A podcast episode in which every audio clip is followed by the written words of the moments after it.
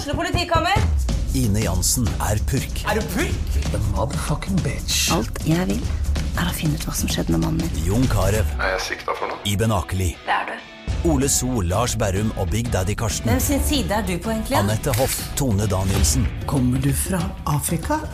Jørnis Josef, Nesten. Kløfta. Trond Espen Seim, Det er synd å si det, men det var feil mann som døde. Purk. Premiere søndag på TV2 Play. Godt råd fra Apotek 1. Påsken markerer starten på solkremsesongen. Og når du skal ut og nyte solstrålene, bør solkremen allerede være på. Mange av oss har ikke sett sola i vinter. Derfor trenger den vinterbleke huden ekstra god solbeskyttelse. Husk solkrem selv om det er overskyet, og at snø og sjø gir økt reflektering av solstrålene. Kom innom og få råd på ditt nærmeste Apotek 1, eller chat med oss på apotek1.no. Apotek 1. Vår kunnskap, din trygghet. Ukas annonsør er Fiken, og det er vi veldig glad for, Jim. Det er vi veldig glad for, Morten, for Fiken er jo dette programmet som gjør regnskap enkelt. Og de bruker et språk som er forståelig selv for sånne som oss. Ja, det er nøkkelordet her. Fordi jeg kan f.eks. registrere kjøpene mine ved å ta bilde av kvitteringa med en app, og salgene mine ved å sende en faktura. Og så er nesten hele regnskapet gjort. Når f.eks. skattemeldinga skal leveres, så er tallene automatisk fylt inn, og så blir jeg guida gjennom det hvis det er noe spesielt jeg må ta stilling til i mitt regnskap. Altså, det er så enkelt. Ja, og for oss som eh, kjenner deg, Morten, så er du jo ikke akkurat kjent for å være noen økonom, akkurat. Så eh, det her høres ut som noe som er midt i blinken for deg. altså, det har du helt rett i, Jim. For det første så liker jeg helst å bruke tida mi på annet enn regnskap, men uh, med fiken så, så, kan jeg faktisk det også, med god samvittighet, for jeg vet at jeg blir tatt hånd om. Ja, og nå kan du som eh, hører på, også teste ut fiken helt gratis i 30 dager på fiken.no. Og hva pleier vi å si da, Jim? Det kan fortelle deg, Morten, for vi pleier å si vi har brukt fiken før. Og vi vil bruke fiken igjen. Og det gjør vi på fiken.no. Advarsel. I denne podkasten vil du høre historier basert på informasjon programlederne har funnet selv. Programlederne står ikke nødvendigvis inne for meninger og syn som fremstilles. Noen påstander kan avvike fra virkeligheten.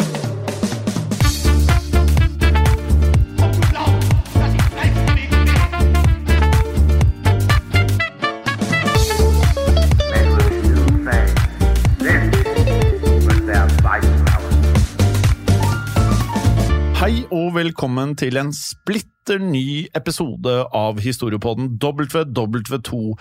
Og mitt navn er også dette året Jim Fosheim. Og mitt navn er som vanlig Morten Galesen. Hei, Morten. Hei, Jim, og godt nyttår. Ja, godt nyttår til deg også. Vi eh, må jo eh, si til lytterne det at vi har juksa litt. Vi har det. Vi har det. Vi har spilt inn denne episoden før jul, så det er 2023 når vi sitter i studio. Ja, men vi later som for lytterens del at det er 2024. For, eh, for de som hører på, så er det nettopp det. Så Ja. godt nyttår til deg som hører på. Så det vi samtidig gjør, at vi, eh, vi prøver å si at eh, vi håper at dere har hatt en fin jul. Ja. Men samtidig så håper jeg at eh, du får en fin jul, Morten, for vi vet jo at vi sitter i studio her, og jeg gleder meg til jul nå. jeg. Ja, jeg også.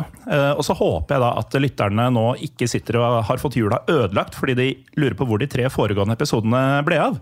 Til dere så kan vi fortelle det vi sier hver fjerde uke. At eh, hver eneste uke så kommer Historiepodden VV2 og alle andre podkaster som vi er med i, og flere titalls andre podkaster ut i en app som heter Untold. Ja, og er du da Apple-bruker eh, sånn som meg, da, så går du bare inn på AppStore, skriver Untold, og så blir fort vekk eh, halve skjermen din eh, rosa. Ja. Eh, og så står det Untold. Og det er veldig riktig. Og da trykker du da 'åpne' eller 'last ned', og så får du første måneden helt gratis. Og da er det ikke bare oss lytterne kan uh, høre. Nei? Vi er jo i mange podkaster. Vi er jo i Gangsterpodden, Historiepodden, Historiepodden andre verdenskrig, vi har samlingen av Japan, eh, vi har Ukrainas turbulente historie, og så Ja. kommer vi med mer. Men det er altså masse andre heavy hitters. Altså True Crime-podden, Synderne, Skrekkpodden, Henrettelsespodden, Krisemøter. Altså det, er, Det er så mye. Jeg, jeg prøvde å telle. Det er, det er, det er mange podkaster her. Men uh, du bruker ikke iPhone. Nei, jeg bruker Android, men det er håp for sånne som meg også. Ja. Uh, Da går man inn i Google Play Store i stedet for AppStore og skri skriver inn Untold. Og laster ned Untold, og får den første måneden gratis hvis man ikke har gjort det før. Blir rosa hos deg òg? Det blir rosa hos meg òg. Ja, det gjør det. Så det er ingen grunn til å frykte hvis man får rosa skjerm av dette her. Det skal være sånn. Det skal være rosa. Og er du en av de som vi trodde var litt sære, men så har det vist seg at dere ikke er sære? Nei, dere er helt vanlige. Ja, dere er helt vanlige, for da går dere inn på browser. Jeg bruker Safari på telefonen min. Eh, hva bruker du? Jeg bruker Chrome. Du bruker Chrome, ja. Har du borti Firefox? Ja, det begynner å bli noen år siden. Ja, det er lenge siden. Ja. Mozilla Firefox heter vel. Eh, så eh, gjør du mye av det samme. Du skriver rett og slett untold.app, mm. og så får du tilgang på den måten. Helt riktig. Og da, Morten, er det klart for dagens episode. Og det har seg nemlig slik, Morten, at eh, opp gjennom årene så eh, har jo vi hatt eh, noen episoder om amerikanske presidenter. Det har vi hatt en del eh, av, men det har først og fremst vært i Historiepodden. For i denne podkasten så tror jeg vi bare har én episode med ordet president i tittelen. Og da tenker jeg på episoden 'Presidenten som nesten ble spist'. Ja, og I eh, episoden du nevner, så pratet vi om hvordan USAs 41. president, nemlig George H.W. Bush, nesten fikk et uh, ublidt møte med mm, nazistiske japanske soldater. Ja, Og til dere som ikke har hørt den episoden, da, så hørte du riktig. Ja. Det er eh, kannibalistiske japanske soldater som nesten åt en fremtidig amerikansk president. Men er du enig at det i eh, VV2 Mm. så forekommer det eh, Altså, det er ingen grenser for hva som faktisk skjedde i løpet av annen verdenskrig. Nei, og uh, igjen da til de som ikke har vært på Untold uh, i det siste. Uh, noen av mine favorittepisoder i så henseende, det er jo denne livlegen til Adolf Hitler. Mo Morell. Doktor Morell. Oh. Det er for utrolig til å tro, men, ja, det det. men det har skjedd. Det er da tre episoder om mannen som propper Hitler full av energi, kan vi jo si. Og mer sier vi ikke. Men denne energien eh, fikk Hitler til å gjøre både det ene og andre. Ja. Men eh, vi skal i dag gå løs på vår andre episode av Historiepodden andre verdenskrig med ordet 'president' i tittelen. Og nå skal det ikke handle om George Bush. Det skal det ikke, Morten, men eh, jeg kan jo avsløre at vi også denne gangen skal bevege oss ut i Stillehavet. For i likhet med Bush så kjempet presidenten vi nå skal prate om, også mot japanerne. Og igjen så er det snakk om en mann som ble president etter andre verdenskrig. Ja, og lytterne de kan jo få lov til å gjette hvilken president det skal handle om. Men eh, først så kan jeg gi et lite hint. For eh, da andre verdenskrig starta, så var det Franklin D. Roosevelt som var president i USA. Og Roosevelt han var USAs 32. president, men eh, dagens hovedperson han skulle senere bli president nummer 35. Men eh, nå kan dere lyttere bruke noen sekunder på å tenke dere om, eh, før du nå gir oss eh, svaret da, Morten. Ja, og jeg kan da avsløre at eh, presidenten som vi skal snakke om, det er John Fitzgerald Kennedy. Og Den bør de fleste ha tatt, eller? Ja, kanskje. nei, ja, nei, Ja. Jeg, jeg er ikke så stødig på de, um, på de tidlige 30-tallspresidentene. Altså Nei. ikke um, årstallet, men uh, nummer i rekka. Uh, men sånn fra 40 omtrent og utover så har jeg stålkontroll. Ja. Um, Jeg er litt, jeg er litt der, jeg òg, Ja. Men uh, vi kan jo gi Kennedy en liten introduksjon. Ja, eh, og da kan jeg jo starte med å si at Kennedy han ble født 29. mai 1917. Som da tilsier at han da kun var 22 år gammel da andre verdenskrig brøt ut, nemlig i september 1939. Og som noen av lytterne helt sikkert vet, så tilhørte John F. Kennedy en relativt velstående familie. Det er lov å si det. Jeg føler det. Eh, Og foreldrene hans det var da Joseph Kennedy og Rose Fitzgerald. Og Joseph han var både en amerikansk forretningsmann, men også en tidligere amerikansk ambassadør i Storbritannia. Ja, og Derfor så var Joseph både rik og det man i USA kalte well connected. Altså han hadde mm, mange folk i bekjentskapskretsen. Og mm, dette kom i høyeste grad til nytte for sønnen John. For i utgangspunktet så lå det ikke i kortene at John skulle få sjansen til å tjenestegjøre som soldat. Nei, det gjorde han ikke, for eh, gjennom hele livet så slet John med, av alle ting da, en vond rygg. Ja, Og det er jo mm, til sjenanse i hverdagen, men også, vil jeg tro, i kamp. Ja, og til alle som har hatt eh, problemer med ryggen, så vet man at det er noe av eh, det verste man kan få. Eh, og pga. disse ryggplagene så var han da i utgangspunktet på ingen måte frisk nok til å tjenestegjøre i militæret, i hvert fall. Nei, men eh, allerede før krigen brøt ut, så ønska John å slutte seg til den amerikanske marinen. Og selv om han hadde disse fysiske plagene, så var ikke dette ønsket fullstendig uoppnåelig. For eh, til tross for at han lenge hadde vært plaga med disse ryggproblemene, så var John likevel eh, fysisk aktiv. Det er helt riktig det, og et eksempel på dette var da han studerte. Og han studerte da på et svært prestisjetungt universitet, nemlig på Harvard. Og da skal han også ha spilt amerikansk fotball. Og det Altså, du skal være ganske lite ryggplaga eh, for at du ikke kan spille amerikansk fotball. Eller bare en veldig høy smerteterskel. Ja, kanskje det. Eh, Eller eh, en hard syke. Mm. Han var ikke bare en amerikansk fotballspiller, men han var også en svømmer. En riktig så dyktig konkurransesvømmer. Så selv om John ikke var 100% frisk på noe som helst eh, stadie av livet, så var han heller ikke 100 syk, følte han. Nei, ikke sant? Og selv om John på papiret da ikke var frisk nok til å tjenestegjøre i marinen, så fikk han det likevel. For vi nevnte jo at eh, faren Joseph Kennedy han var en mann med mange kontakter. Og nå brukte Joseph eh, disse kontaktene til å hjelpe sønnen John med å få innpass i det amerikanske militæret.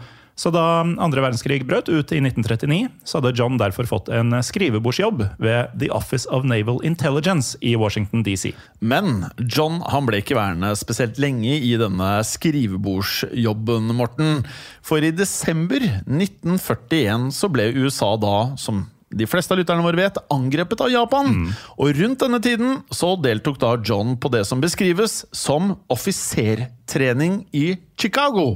Noe som da resulterte i at han til slutt fikk en grad som løytnant. Ja, og mens John tok denne offiserstreninga, så meldte han seg som frivillig til å tjenestegjøre på Stillehavsfronten. Og da meldte John seg til det som ble kalt patruljebåttjeneste. Og patruljebåttjeneste det er nøyaktig det det høres ut som. I hvert fall sånn det høres ut eh, for meg. Ja, At man tjener på en patruljebåt. Helt riktig. For i tiden som da fulgte, så endte John opp med å tjenestegjøre nettopp på en svært liten patruljebåt. Og denne patruljebåten den hadde det offisielle navnet Patrol Torpedo Boat 109. Ja. Men eh, i praksis så var båten best kjent som PT-109. Det høres bedre ut. Det gjør det. Jeg tenker det. Um, men Altså, altså alt som heter boat, det blir liksom ikke like eh, seriøst. Nei, det blir heller ikke hardt og krigersk. Nei, enig. Nei, Det er litt for hyggelige ord. PT 109. Ja. Og med det sagt så skal vi hoppe et eh, stykke framover i tid, for eh, nå skal vi til den 1. august 1943. Og på dette tidspunktet så hadde John F. Kennedy fylt eh, 26 år, og sammen med resten av mannskapet på PT-109 så befant han seg nå langt ute i Stillehavet. Men som vi har lært da i denne podkasten her, eh, Morten, så er eh, Stillehavet enormt! Ja, um, Man hadde kanskje en idé av det før man begynte med denne podkasten Ja. også, men eh, det har blitt eh, enda tydeligere etter en del episoder om slaget i Stillehavet. Helt riktig. Så dere lyttere som er spesielt interessert i hvilken del av Stillehavet vi da prater om, så er dette her da snakk om den vestlige delen av Stillehavet. Stillehavet. Nærmere bestemt til Salomonøyene, som er å finne omkring 1500 km nordøst for Australia. Ja, og Grunnen til at John nå var på Salomonøyene, det var at eh, øyene hadde blitt angrepet av japanerne. Noe som hadde skjedd i januar 1942. Og Allerede på sommeren 1942 så gikk australske og amerikanske styrker til motangrep for å drive japanerne vekk fra øyene igjen. Men eh, det var ikke noen smal sak. Nei, for eh, Salomonøyene de eh, består da av seks større og, hold deg fast, 900 mindre øyer. Som andre ord så var det da mange lokale steder her som eh, japanerne kunne forsvare seg fra. Ja, og vi har jo tidligere hørt om hvor gode japanerne var til å forsvare seg. Så det kommer kanskje ikke som noen overraskelse at kampene som fant sted på Salomonøyene, de var harde. Og ikke bare harde, men alt som eh, har med japanerne i annen verdenskrig å gjøre, det er, det er så seigt. Ja, Det går så trått frem for eh, de allierte. Det gjør det, og dette er jo da samme folk som nesten åt George H.W. Bush. Ja, det er helt riktig, det også. Så, så det er en formidabel motstander, dette her. Og derfor ble det ekstra viktig for USA å hindre at de japanske styrkene på øyene fikk tilsendt forsyninger og ikke minst forsterkninger fra Japan. Helt riktig, og med det så var målet til den amerikanske marinen å stanse japanske forsyningsskip da, som var på vei til nettopp Salomonøyene. Og med det så kommer vi nå tilbake til PT109. For nå var PT109 blant de amerikanske båtene eller skipene som da fikk i oppgave å patruljere rundt Salomonøyene. Og da var jo da JFK så klart å finne om bord. Ja, men eh, han var ikke bare å finne om bord. For eh, nå hadde JFK faktisk fått eh, kommandoen om bord på PT-109. Og som sjef på denne patruljebåten så var jobben hans å vokte farvannene i det som heter The Blackett Strait. Og The Blackett Strait det er et sjøstred som ligger mellom de to øyene Colombangara og Arundel. Sjøstred, det høres også veldig bra ut. Ja, Veldig eh, maritimt. Ja, veldig maritimt, og nesten litt sånn sjørøversk. Mm. Eh, Vi har jo mye sjørøveri i vanlig historiepodden. Ja, det har vi. Mm, jeg fikk lyst på en ny episode med det nå, merket jeg. Ja, det må vi få til. Oh. Uh, uansett, nå var datoen blitt eh, 1. august 1943. Og du vet hvor eh, mørkt det kan bli om eh, natten når du er ute på vannet? Ja, det kan bli mørkt. Ja, og det var det nå. For det var midt på natta, dette her. Og sammen med 14 andre patruljebåter så var PT-109 ute på sjøen i The Blackett Strait. Men ifølge amerikansk etterretning så var det en eh, gruppe japanske skip som nå var på vei mot Salomonøyene. Ja, og det viste seg å stemme, for i løpet av denne natta så støtte de amerikanske patruljebåtene på disse japanske skipene. For nå skal en japansk forsyningskonvoi ha dukket opp, og denne konvoien den forsøkte å ta seg rett gjennom The Blackett Straight, så nå var det klart for kamp. Og når det blir eh, tøft, Morten, så er det greit å ikke være alene. Ja. Og det var heller ikke JFK, for eh, han var ikke alene på båten sin. Nei, og vi sier båt eh, fordi denne PT-109 er for liten til å bli kalt et skip. Det er helt riktig det, Morten. Og som nevnt så var jo ikke JFK alene, for om bord hadde han da tolv andre amerikanske sjømenn med seg. Og nå fikk disse karene en skikkelig utfordring. For jeg nevnte at det var mørkt. Nå var det så mørkt ute at amerikanerne knapt kunne se foran båtene sine. Og nå skulle denne utfordringen bli et problem, Morten. Det ble et eh, problem, for eh, nå var det ikke bare japanske forsyningsskip som var på vei. Forsyningsskipene de ble nemlig eskortert av tre såkalte destroyere, og disse har vi vært borti i flere episoder tidligere. Jim. Eh, Destroyere er da en type krigsskip som har i oppgave å både eskortere forsyningsskip og spore opp ubåter. Det er ganske spennende. Er Spennende skip. Ja. Eh, og ut ifra det du nå sier, da, Morten, så sier det seg vel egentlig selv da, at en destroyer er langt større enn en patruljebåt. Ja. Altså, eh, dette er jo ikke en båt lenger. Nei, det er ikke det. Eh, Men vi kan jo gi noen eh, tall på dette her. For eh, ut fra det vi vet, så hadde PT-109 en lengde på 24 meter. eh, Som er ganske bra til en båt å være. Ja. Men eh, de japanske destroyerne som nå nærma seg, de hadde en lengde på 118 meter. Ja, Så fem ganger størrelsen omtrent. da. Omtrent. Eh, Men likevel da, så forsøkte amerikanerne å angripe.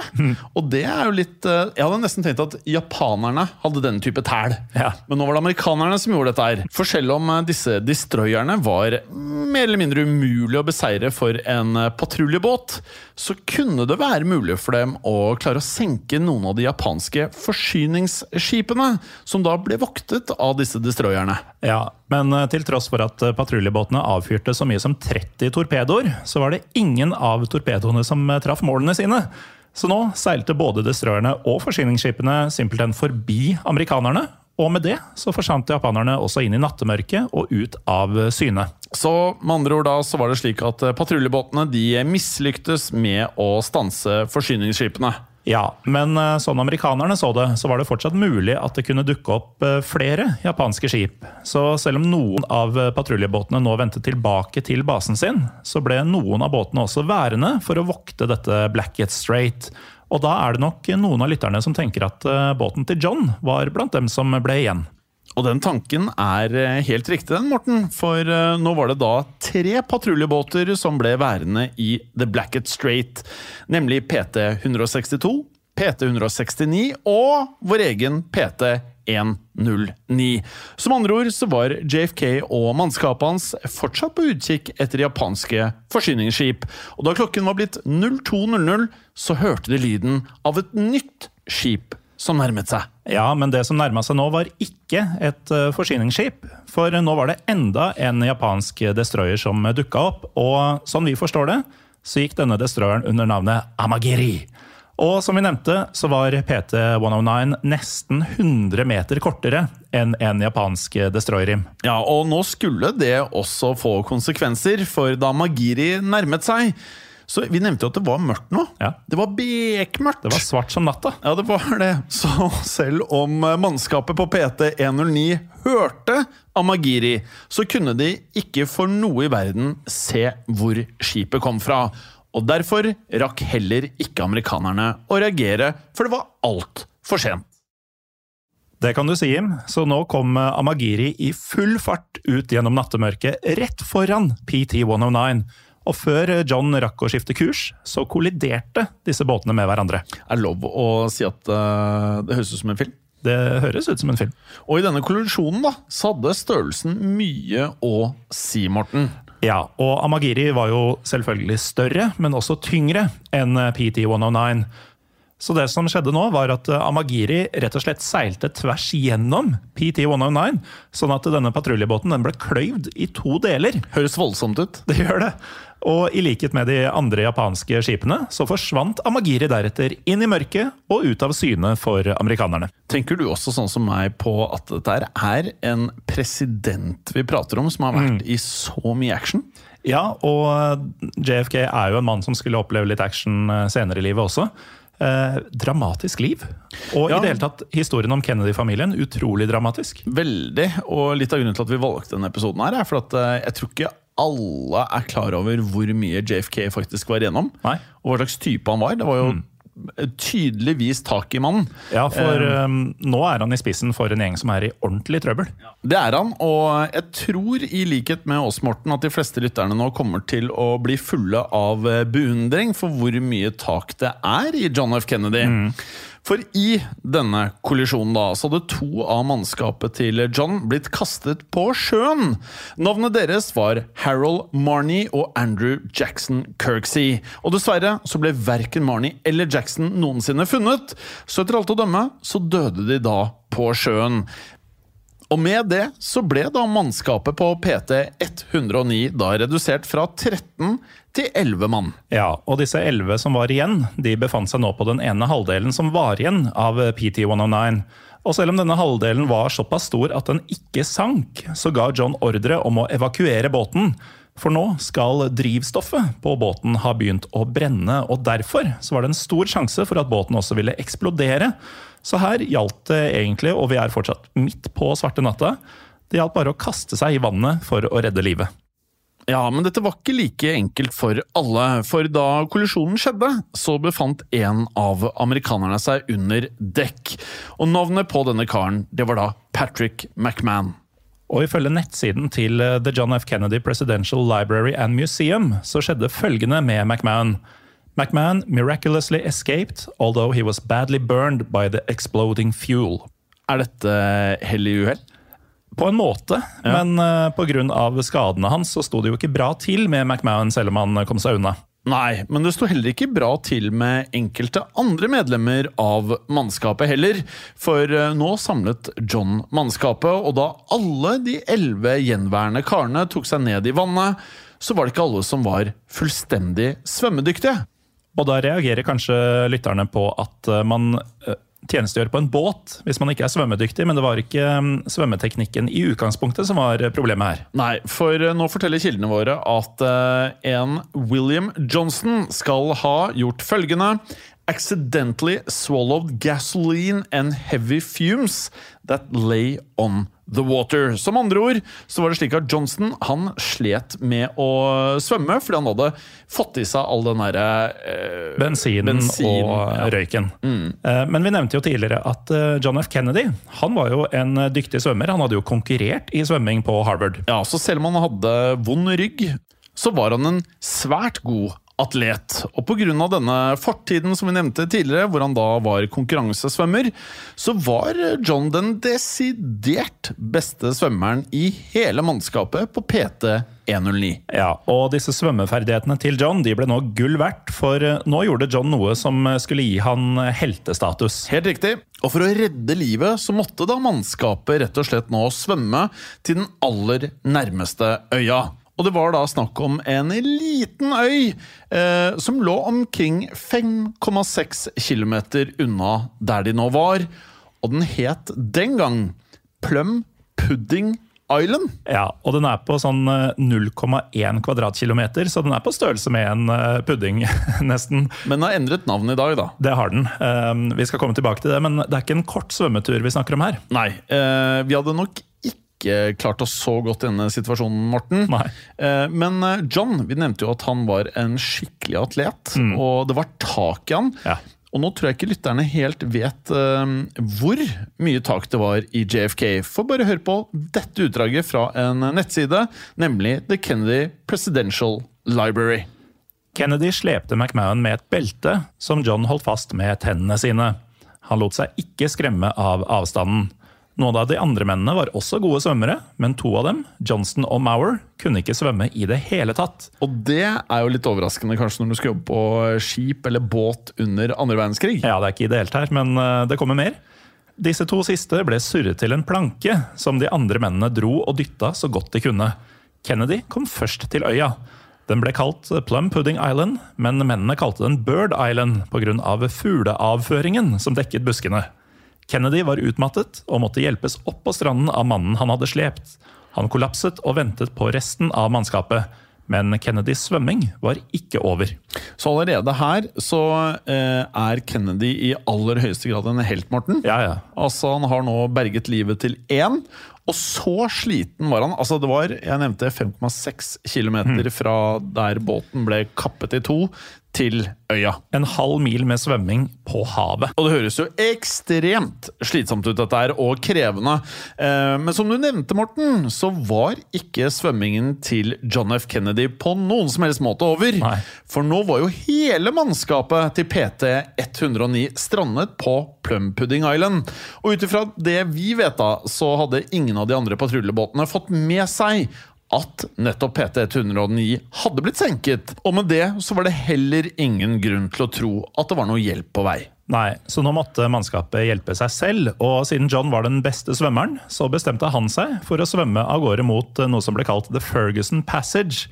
Og dette var et eh, havområde som lå i nærheten av The Blackett Strait, og som derfor ofte ble patruljert av amerikanske skip. Som andre ord, Morten, så håpet nå John å finne et eh, amerikansk skip som da var i stand til å redde han og mennene hans. Ja, men ikke overraskende så var ikke dette helt eh, enkelt. For eh, da John la ut på å svømme, så skal han igjen ha dekka en avstand på det som omtales som flere kilometer. Og til slutt så lå Kennedy og fløt i vannet i The Ferguson Passage i en hel time uten at noen skip passerte. Så John han konkluderte derfor med at de amerikanske skipene de var ute på patrulje et annet sted, og med det så bestemte JFK seg for å svømme tilbake til Plum Pudding Island.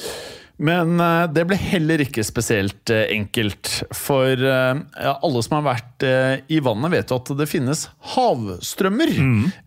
og noen er sterkere enn andre. Og her var det en svært sterk havstrøm. Så sterk at den hadde slitt ut John totalt. Og derfor så måtte John ta seg i land på en liten øy sørvest for Plum Pudding Island. Og etter hva vi kan forstå, så var det da Leorava Island han endte på. Og da han omsider kom seg i land på Leorava, så skal han nærmest ha kollapset. Og det sier jo litt om hvor eh, utmattet han faktisk ble av denne kan man kalle det svømmetur nummer to. Ja, det kan du si, og da kan man jo se for seg at eh, han sover eh, et halvt døgn eller noe sånt for å komme til hektene igjen. Men det var bare noen få timers søvn som skulle til før JFK var klar til neste etappe. Så nå forstår vi det sånn at eh, John svømte resten av veien tilbake til Plum Pudding Island, og da han vendte tilbake til mennene, så skal han ha brukt hele den påfølgende dagen på å sove enda litt mer. Så han var utslitt første gangen han var på Plum Pudding Island. Og så ble han utslitt en gang til da han var på Leorava Island. Ja. Og så ble han totalt utslitt når han havnet på Plum Pudding Island gang nummer to. Ja, Så nå var det de andre karene i mannskapet sin tur til å svømme ut for å finne amerikanske skip. Og jeg kan jo nevne da at dette her er jo ikke, det er jo ikke som å ta seg en svømmetur ute i bukta eller Nei. en innsjø. Dette her er ute på havet. Ja, Det var ikke sånn at de sto i kø for å få lov til å være den neste til å svømme. Det var tøffe greier, dette her. Ja. Og navnet på nestemann da, det var George Ross, men i likhet med John så fikk ikke George Ross øye på noen skip, så nå begynte situasjonen å se enda mørkere ut. Ja, og vi kan jo da legge til at PT109 den sank jo i løpet av natten til 2. august i 1943, men nå hadde datoen blitt 4. august 1943. Med andre ord så hadde det nå gått to dager. Og det er jo da to dager uten mat, vann eller annen form for forsyninger. Så med det så begynte situasjonen for alvor å bli desperat. Ja, og derfor så ga John ordre om at mannskapet de skulle forlate Plum Pudding Island. For eh, John tenkte at det kanskje var mat og drikke å finne på en nærliggende øy som het Olasana. Så nå la mannskapet igjen ut på svømmetur, og nok en gang så slepte John den skadde Patrick McMahon eh, etter seg gjennom vannet. Ja, Men da John og mennene tok seg i land på Olasana, så var det skuffelse som bredte seg. For eh, selv om eh, det vokste kokosnøtter blant annet på øya, så var ikke disse kokosnøttene noe spesielt å spise. Nei. For i kildene våre så sies det at kokosnøttene hadde A sickening effect on some of the men. Ja, og det er jo det motsatte av det du ønsker når du endelig får i deg noe mat. Ja, du ønsker alt annet enn sickening. Ja, nettopp. Og for å gjøre det verre, så fantes det ikke noe ferskvann på Olasana, så situasjonen den hadde ikke blitt eh, mye bedre for amerikanerne. Og ettersom kildene sier lite om uh, innholdet i kokosnøttene, annet enn at de var sickening, så antar vi også at denne kokosmelken heller ikke var noe særlig. Nei, den uh, kan ha vært ganske sur. Og med det så måtte de nå komme opp med en ny plan. Og da bestemte John og da nevnte George Ross seg for å svømme av gårde sammen for å finne hjelp til de andre mennene. Og heller ikke denne gangen så skulle det bli noen kort eller behagelig svømmetur. Nei, for nå tar vi oss til den 5. august 1943, og da hadde John og Ross eh, angivelig svømt i flere timer. Men da klokka var ca. tolv på formiddagen, så tok de seg i land på en liten øy som het eh, Naru. Og med det så er det duka for et nytt utdrag fra sidene til The Kennedy Presidential Library. Ja, få bare høre på følgende. I frykt for fiendtlige patruljer listet Kennedy og Ross seg forsiktig frem. De så vraket av et lite japansk fartøy som lå ute på et rev. På stranden fikk de øye på en liten boks med japanske etiketter, da de brøt opp denne, så ble de svært glade, ettersom boksen inneholdt japansk godteri. Litt lenger oppe på øya så oppdaget de enda en boks, og denne gangen så var det vann i denne. Og så fant de også en enmannskano som var gjemt i buskene. Kennedy og Ross var på vei tilbake til stranden da de så to menn ute ved det japanske vraket. Mennene var lokale øyboere. Men de ble skremt og padlet vekk fra vraket i en kano, til tross for Kennedys rop om hjelp. Men uh, du sier, Jim, at uh, disse øyboerne de ble skremt og forsvant. Ja. Men John og Ross de hadde jo funnet sin egen enmannskano. Og denne kanoen den var ikke John fremmed for å bruke, for da natta kom, så forsøkte John å padle ut til The Ferguson Passage, og målet hans det var fortsatt å bli sett av et amerikansk skip. Men til Johns store frustrasjon så dukka det heller ikke denne natta opp noen vennlige skip. Så John han dro tilbake til Naru, og her ble John og Ross enige om at Ross han skulle bli igjen på Naru for å hvile. Og med det så fylte nå John kanoen med boksene med vann og japansk godteri som de hadde funnet. Og så padlet han av gårde mot Olasana igjen. Og det er vel ikke umulig at John tenkte at uh, det ville settes pris på å få vann og godteri i stedet for disse råtne kokosnøttene. Og det var selvfølgelig også til stor glede, men eh, det var ikke bare eh, godteri og vann som hadde funnet veien til eh, Olasana nå, for da John kom fram til Olasana, så var ikke lenger mannskapet hans alene der. For vi nevnte jo disse to øyboerne som hadde padla vekk fra Naru. Ja, det hadde vi, og de hadde jo da padlet hele veien til nettopp Olasana. Så da John ankom, så ble han møtt av både øyboerne og av mannskapet. Ja, og det viste seg nå at øyboerne de jobba som lokale speidere for de allierte. Og navnene til disse øyboerne det var Biuku Gaza og Eroni Kumana. Ja, da var du god. Eh, hvor flaks hadde de ikke i uflaksen her, da? Ja, Nå begynner det å løsne lysne litt. Her. Løsne litt. Og Da disse øyboerne da flykta fra Naru, så ble Gaza og Kumana de ble slitne av denne padleturen. Så Derfor hadde de nå stansa litt tilfeldig på Olasana for å spise kokosnøtter. Ja, Men eh, til alle lyttere nå, kan ikke dere være så snill å skrive til oss hvis dere da hadde noen som helst anelse før denne episoden om at John F. Kennedy var en så hardbarka soldat? Ja, Eller blir- helt, for den saks Ja. Jeg blir imponert over de som i fullt alvor eh, forteller oss at de visste dette her. Ja, ja, Skriv til oss, eh, gjerne på Instagram, eller eh, hvis dere har andre historier om John F. Kennedy som vi ikke er klar over, Mm. del det gjerne på Historie for alle på Facebook. Gjør det. Um, men på Naru da, så møtte jo da Gaza og Kumana på dette mannskapet til eh, John. Og da John eh, omsider dukket opp, så hadde da amerikanerne tydeligvis funnet tonen med disse to øyeboerne. Og vi må jo bare anta at eh, måten de fant tonen på, var eh, noe annet enn å prate om hvor dårlige kokosnøttene var. Vi må bare anta det. Men nå skulle det ikke ta lang tid før John havnet i samtale med nettopp Gaza og Kumana, og de la nå en plan sammen. Slik at neste dag, den 6. august 1943, så dro John tilbake til Naru sammen med både Gaza og Kumana. Ja, og på Naru så ble John dermed gjenforent med George Ross, og deretter så la John og Ross en plan sammen med Gaza og Kumana. Men denne planen den var fullstendig avhengig av en kokosnøtt. Ja, det høres kanskje litt merkelig ut, Det gjør det. men det kom til å gi mening. For det Gaza og Kumana nå foreslo, det var at de kunne padle til den nærmeste amerikanske marinebasen. Og John, han visste akkurat hvor denne basen lå. Så nå kunne John gi en detaljert veibeskrivelse til Gaza og Kumana. Deretter så tok John fram en kniv, og denne kniven den brukte han deretter til å risse inn følgende budskap på en kokosnøtt. Eleven alive. Native nose position and reef. Naru Island, Kennedy. Og som lytterne da antageligvis skjønner, så hadde John nå skrevet en beskjed til den amerikanske marinen, så da Gaza og Kumana padla av gårde, så hadde de derfor med seg denne kokosnøtta. Men en ting jeg tenker på nå, Morten, det er jo ikke 100 sikkert at Gaza og Kumara snakker sant. Nei, det er sant. De kunne jo vært eh, aksemaktene nærmest. Ja, og for det andre så er det jo ikke sikkert at de padler riktig vei, selv om Kennedy har sagt eh, hvor de skal. Altså, Å padle på Stillehavet er ikke en enkel sak. På ingen måte så hadde jeg vært eh, John eller de andre mennene, så hadde jeg tenkt at eh, vi er ikke berget ennå. Nei. Men eh, den neste dagen, og da er vi kommet til 7. august 1943, så skjedde det noe veldig uventet. For nå dukket opp enda flere folk, nemlig åtte nye øyboere. Ja, og Øyboerne som nå dukka opp, de hadde ikke blitt sendt av amerikanerne, og de hadde heller ingenting å gjøre med Gaza og Kumana.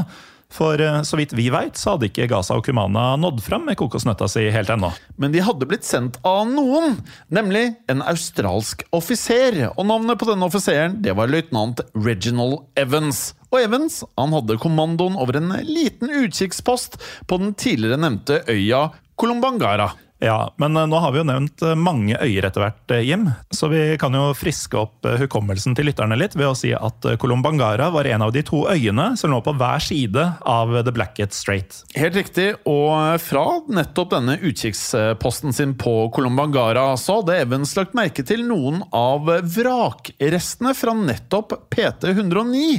Så derfor bestemte da Evans seg for å sende ut letemannskaper.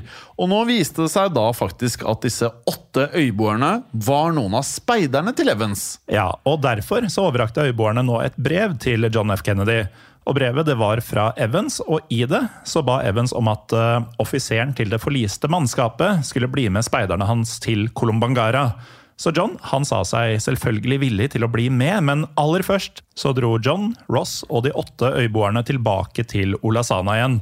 For det var jo der eh, resten av amerikanerne fortsatt oppholdt seg. Og igjen, det første som hadde slått meg hvis jeg hadde vært der, er eh, om jeg da i det hele tatt kunne stolt på denne beskjeden og disse åtte mennene. Ja, det er jo ikke gitt at man gjør det, men samtidig, eh, en så desperat situasjon, så hadde jeg blitt med nesten hvem som helst. Jeg tror jeg kanskje hadde gjort det samme. Og nå fikk da John og mannskapet endelig et skikkelig måltid, Morten. For de åtte øyboerne de hadde med seg både kjøkkenutstyr og mat. Tenk å spise et ordentlig måltid etter eh, så mange dager eh, med råtne kokosnøtter og japansk godteri og saltvann. Hadde du bedt dem om å spise maten først? Eh, kanskje. Jeg tror det. Men samtidig, jeg kan også bare ha kasta meg over det så fort det var klart. Ja, Man er sikkert så utsultet at man ikke tenker over det engang. Eh, og med det så kunne nå amerikanerne på Olasana spise seg gode og mette for første gang på mange dager. Og da John hadde forsikret seg om at det sto bra til med mennene hans, så dro han av gårde for å treffe denne Evans. Ja, Så nå padla John av gårde med noen av disse øyboerne, og i løpet av ettermiddagen så nådde han fram til utkikksposten til Evans. Og Evans han møtte John nede på stranda, og da sa John eh, enkelt og greit følgende Hello, I'm Kennedy. Mens Evans sa Come to my tent and have a cup of tea. Og da skjønner du at han er australsk, vet du. Ja. Når det er te han tilbyr. Og med det så er vi eh, nærme slutten av historien, Jim. For det som nå skjedde, det var at John og Evans eh, satte seg ned og organiserte en ordentlig redningsoperasjon. Og Gjennom denne redningsoperasjonen så ble mannskapet til John plukka opp av amerikanske patruljebåter. Men John han eh, insisterte på å delta i eh, redningsoperasjonen personlig. Og som vi har lært eh, John F. Kennedy å kjenne i denne episoden, så er det nesten selvsagt. Definitivt. Og med det så padlet John av gårde for å møte patruljebåtene før de nådde frem til Olasana. Og da John tok seg om bord på en av disse båtene, så ble han da angivelig møtt av en amerikaner som sa Hei, Jack. eh, og etter hva vi kan forstå, så um, er Jack et kallenavn for John. Ja, det er det. Jeg Jeg skjønner ikke, det er like langt. Enig, og det er to forskjellige navn. Men jeg har sett i mange filmer og serier fra USA at eh, John kalles Jack. Ja, Så det kunne vært John Nicholson istedenfor Jack Nicholson? For eksempel. Eller Jack F. Kennedy Ja. istedenfor John F. Kennedy? Men eh, uansett, eh, vi bruker navnet John, og han var forståelig nok eh, sliten, men han var også gretten på Ja. dette tidspunktet. Så John svarte simpelthen følgende Where the hell have you been? Og så gikk han i gang med å lose patruljebåtene fram til Olasana. Jeg hadde sagt det samme, tror jeg. Jeg tror det. Where the hell have you been, guys? eh, og da båtene nådde frem, så ble resten av mannskapet til John også reddet. Og datoen hadde nå blitt 8. august 1943. Som andre ord så hadde det gått en hel uke siden PT109 hadde sunket. Og vi må jo kunne si at eh, det er en hard uke Ja, det har vært. Jeg skal tenke meg om to ganger før jeg klager på en tøff uke når fredagen kommer eh, neste gang. Men vi har jo etablert at eh, to stykker fra mannskapet til John de klarte seg jo ikke. Eh, Det skjedde jo tidlig i episoden. Men de resterende eh, mennene de overlevde alle som én. Og det var jo mye takket være hvordan John F. Kennedy hadde leda dem gjennom denne uka. Så i tida som fulgte, så fikk John ikke bare tildelt én, men to æresutmerkelser. Nemlig The Navy and Marine Corps Medal og The Purple Heart. Ja, The Purple Heart eh, det er som kjent en medalje som gis til soldater som har blitt skadet eller såret i strid. For etter hva vi kan forstå, så er det nemlig slik at eh, John han skal ha kuttet seg mens han da svømte gjennom et korallrev. Ja, og det sier jo også litt om heltemotet til John gjennom denne uka, for ikke på noe tidspunkt har det virka som om han har latt eh, skadene stoppe seg. Og um, han Men, men er sikkert en del av eh, karakteren som han har eh, bygget opp ved å ha hatt vondt i ryggen mens han var en atlet. Det kan godt være, men han var eh, såpass skada altså, at han tilbrakte én uke på militærsykehus eh, etterpå. Men da han hadde kommet til hektene igjen, så overtok John kommandoen på en ny patruljebåt. Og denne båten den het PT-59. Ja, men John han hadde ikke kommandoen på PT59 spesielt lenge, Morten. For i november i 1943 så ble John overført tilbake til USA, og i månedene som fulgte, så ble John innlagt ved enda et militærsykehus. Ja, for vi har jo nevnt denne vonde ryggen som JFK slet med, og det virker da som at opplevelsen hans under dette forliset til PT-109 det bidro til å forverre ryggproblemene hans. Dessverre så gjorde det det, og pga. nettopp disse ryggplagene så fikk John en såkalt medical discharge fra marinen. Noe som da innebar at han ble fristilt fra tjeneste. Ja, og det skjedde i desember 1944, så da andre verdenskrig eh, tok slutt i 1945, så tjenestegjorde ikke John lenger i marinen. Men likevel så var han ikke ferdig med å utmerke seg, for vi vet jo at han skulle gå inn i politikken, og da dro han bl.a. nytte av fortida si som krigshelt. For eh, dersom man f.eks. skulle stille til valg som presidentkandidat, så var det jo ikke det dummeste i verden å kunne vise til en eh, sånn status. Det var ikke det, og som eh, sikkert de aller fleste er klar over, så stilte John F. Kennedy til valg som president i året 1960. Og dette valget, det vant han, så i 1961 så ble John innsatt som USAs 35. president. Men bare to år senere, i november 1963, så ble John F. Kennedy også myrda på tragisk og mystisk vis. Men det er en annen historie, så Kennedy-attentatet det kan eventuelt bli en episode av Historiepodden ved en senere anledning. Men vi kan jo i stedet da avslutte med et sitat fra JFK. For eh, da han på et tidspunkt ble spurt om hvordan han fikk eh, status som krigshelt, så skal John ha uttalt følgende It was involuntary. They sank my boat. Så på norsk, det var ufrivillig. De senket båten min. Ja, jeg ble ikke krigshelt med vilje. Nei. Et bra sitat. Et knallsitat. Ja, det er veldig bra. Eh, Morten, vi er å finne på en app som heter Untold i eh, de neste tre ukene. Ja, og alle uker etter det også, for så vidt. Ja, helt riktig. Eh, du gjør dette på enkelt vis, eller så du kan høre oss i Untold på enkelt vis. Du går inn i AppStore hvis du er Apple-bruker, skriver Untold, laster den ned, og så kan du da få de første 30 dagene helt gratis hvis du ikke har gjort det tidligere. Og Android-brukere som meg gjør akkurat det samme i Google Play Store. Skriv inn Untold, finn den rosa appen og skaff deg den. Og så kan du gjøre det i browseren din hvis du ønsker det. Du skriver bare untold.app og gjør noe av det samme. Ja, og har du um, lyst til å høre mer fra oss eh, på forskjellige måter, så er vi jo på sosiale medier. Vi er Historiepodden Norge på Facebook og Instagram. Og så kan du dele alt av interessante artikler, tips til filmer, bøker, det som måtte være, på gruppen vår Historie for alle på Facebook. Og med det hjem så er det bare å si at eh, det har skjedd. Og det kan skje igjen. Ha det. Ha det bra, og godt nytt år. Godt nytt år. Historiepodden ønsker å takke følgende. Dere som hjelper oss som sitter i produksjonen. Dere som hjelper oss som sitter i redaksjonen, inkludert tekstforfattere. Det er Helt riktig. Og dere som sitter på marked, som faktisk da gir oss muligheten til å drive med Historiepodden. Og selvfølgelig alle dere som hører på. Tusen takk. Moderne media. Kiwi er billigst i VGs matbørs og har vært billigst i fire av de fem siste VGs matbørser. Og nå presser vi prisene på frukt og grønnsaker. På 200 gram broccolini setter vi prisen til 24,90. På 400 gram Cevita blåbær setter vi prisen til 49,90. Og husk, alle Kiwi Pluss-kunder får i tillegg 15% trumfbonus på all fersk frukt og grønt. For det er vi som er prispresserne. Og vi i Kiwi gir oss aldri på pris.